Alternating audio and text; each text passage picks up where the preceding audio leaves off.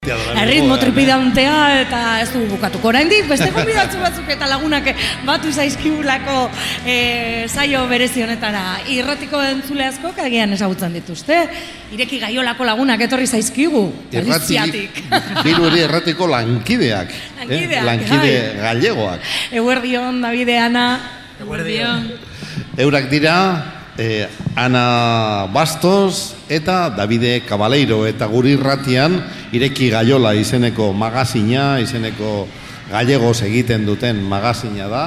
Ordu bete irauten duena eta benetan kulturako, Galiziako kulturaren, bizitzaren taupada bizi-biziak ekartzen dizkigute. Bueno, Davide, eh, aste nagusian gaude, Aste nagusiak badauka bere bere ezaugarriak dauzka, bere eredua dauka. Galiziara joan da, zeintzu dira hango jai eredugarriak edo nola, nolakoak dira hango jaiak? Ui, galdera zaila.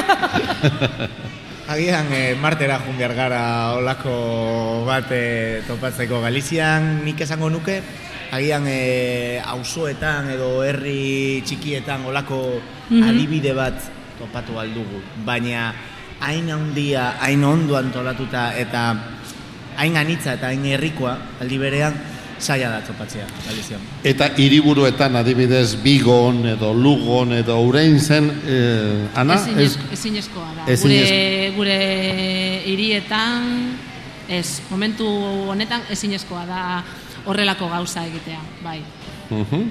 bai. Baina ala ere kurioso da ze herri mugimendu handia dago eh, Galizian, ezta? Egon badago eta Bai, baina pues ez dakit zenbat zozna daude hemen. E... Oeta sort, hogeita behatzi. behatzi. Eta behatzi, karo, hori munduko jendea horte... Oget, barkatu, ogeta sortzi, barkatu, ogeta sortzi, ogeta sortzi. Karo, hogeita sortzi txosna. E, azpegitura guztia.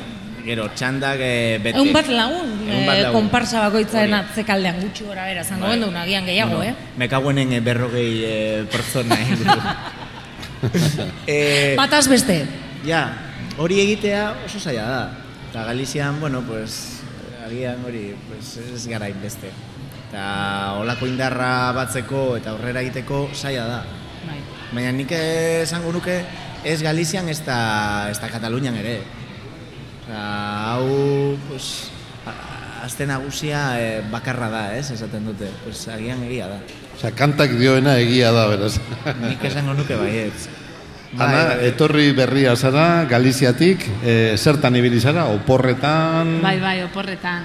Egun batzuk hemen, eta e, orain dela sortzi hilabete joan, joan nintzen etxera, eta orain faltan botatzen dut e, Bilbo, eta bizitza hemen, eta dena. Orduan, Eta hemen zaudenean, behin- eta hemen zaudenean hangoa, ezta? zer? Hemen zaudenean hangoa botatzen duzu faltan, ezta? Bai, baina ez hainbeste, ni banekien e, bueltatuko, buel, bueltatuko bai, Nintzela. nintzela. Nintzela, orduan, bueno, baina orain badakit e, ez, ez naiz bueltatuko hemen, orduan, buf, Eman dizute bilbotar karneta ja, bai, ezta? Hori esan da, gero eman behar dizugu, eh? Bueno, badakizu Bilbo irian, ba, baduzula, eh? Ireki gaiola, eh, bueno, Bai. parte hartzen duzu, eta baina, bueno, Ela sigue colaborando en Ireki. ja, bai, bai, bai, badakit, baina, Sí, bueno, ja. ez da etortzen irratira nahi Era esan. super corresponsal Gal- galega, Galega.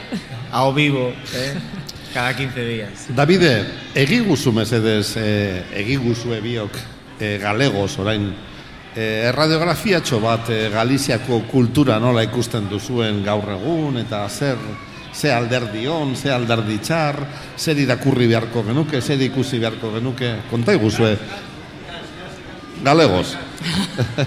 Home, claro, ela sendo de Cans falara de cine era que temos eh, o mellor festival de Cans do pois mundo. Sí, Hai outro, pero que non ten non ten esa potencia que ten o noso, non no, subías nun chumpín a poñer a tua ves, película. Mira, o mellor agora pensando niso, eh, vale que pequeniño, a vila de Cans, a aldea de Cans é a máis pequena do Porriño, e o Porriño é un concello de 20.000 habitantes, e a vila de Cans igual ten varios centos, é pequena.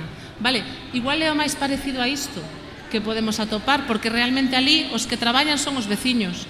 E os veciños son os que montan todo e non temos chosnas, pero temos os baixos das casas dos veciños e as bodegas e os galiñeiros e aí é onde se fai todo. Entón, pois mira, o mellor é un simil pequeniño, pero pequeniño, pero que igual leva 11.000 persoas ao longo dos 4 días. Joan Verdugo visitan. Bai, jakiña. jakiña, bai. Txango bat egingo dugu. Ikustekoa da, bai, bai, bai. Montatuko dugu txinpin bat, eh? Eh, Bai. hori kafean txokiko txinpin bat. Eta Txinpin- bagoaz. Hori, txinpin da, traktor txiki bat. Bai. Eh, montamos todos en riba. Txinpibuses dira. Eh, eh, vamos para lo.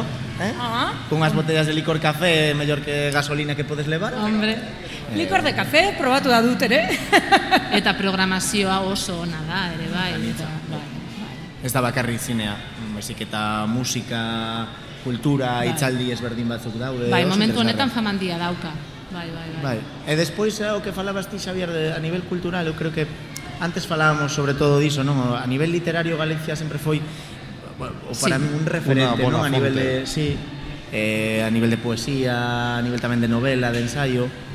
Eh, eu noto un pouco máis baixo a día de hoxe, eh, cecais porque vivo aquí, eh, pero noto que está baixando máis a nivel literario está subindo máis a nivel musical que tamén está ben é audiovisual que lle fai é moita falta fai uh -huh. moitísima falta sí. uh -huh. saen cousas quizás a nivel audiovisual porque me toca máis de, de preto aquí hai como unha industria moi asentada uh -huh, claro. polo menos xa non tanto televisivo ali a televisión aínda que está mal levada hai como digamos a capitanía do barco está facendo que afunda pero sí que o produto é bo pero aquí hai, é constante a creación non hai eses eh, baches, esas fochancas non? Que... a la falta de esa estabilidade sí.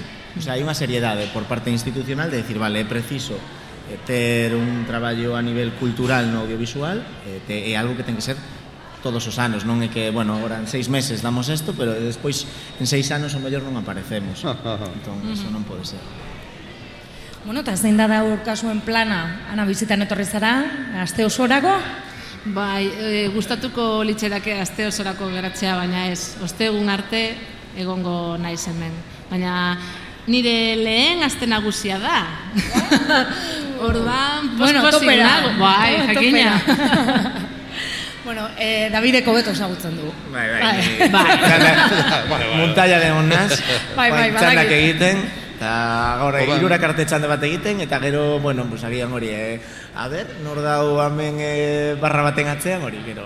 Davidek esplikatuko dizu zer egin behar duzunan alazai egon. Bai, badakit, badakit. Ba, Davide, ana, mila esker. Eh, ba, bizitatxoa gaitik, eta gu gutxinaka gutxinaka, ba, gurtu egingo gara, ez, Javier? Eh, ordu biak Bai. amar ditugu, eta algara konpartzan, Gure ba, bertso baskaria dago. Bai, gure irrati txosnapeko irrati estudio erraldoiai, erraldoi hau bapatean jantoki bihurtu digute eta gozea ere etorri zaigu eta Por cierto, David, Ana, nahi izan ezkero, gonbidatua zaudete. Gurekin bazkaltzera, lankideak, lagunak, zareten alderditik. Eskerrik asko. Eskerrik Eh, Eu asko, quería bai. aproveitar para lembrarlle a, ao noso técnico de son que está aquí ao lado que desfruta dos días que te quedan de tranquilidade porque nada volte outra vez Ireki Gaiola Bilbo iría irratia. Bueno, mesua, Ibon Burgoaren zat, Javi Zabalaritu da ere lankidea lanean, Xavier Monasterio eta Nezabala. Bihar berriro ere, hemen izango gara, eguerdiko ordu batetatik aurrera. Bihar- Adi, bihar tela unok. eh, bihar koktelak egingo ditugu eta.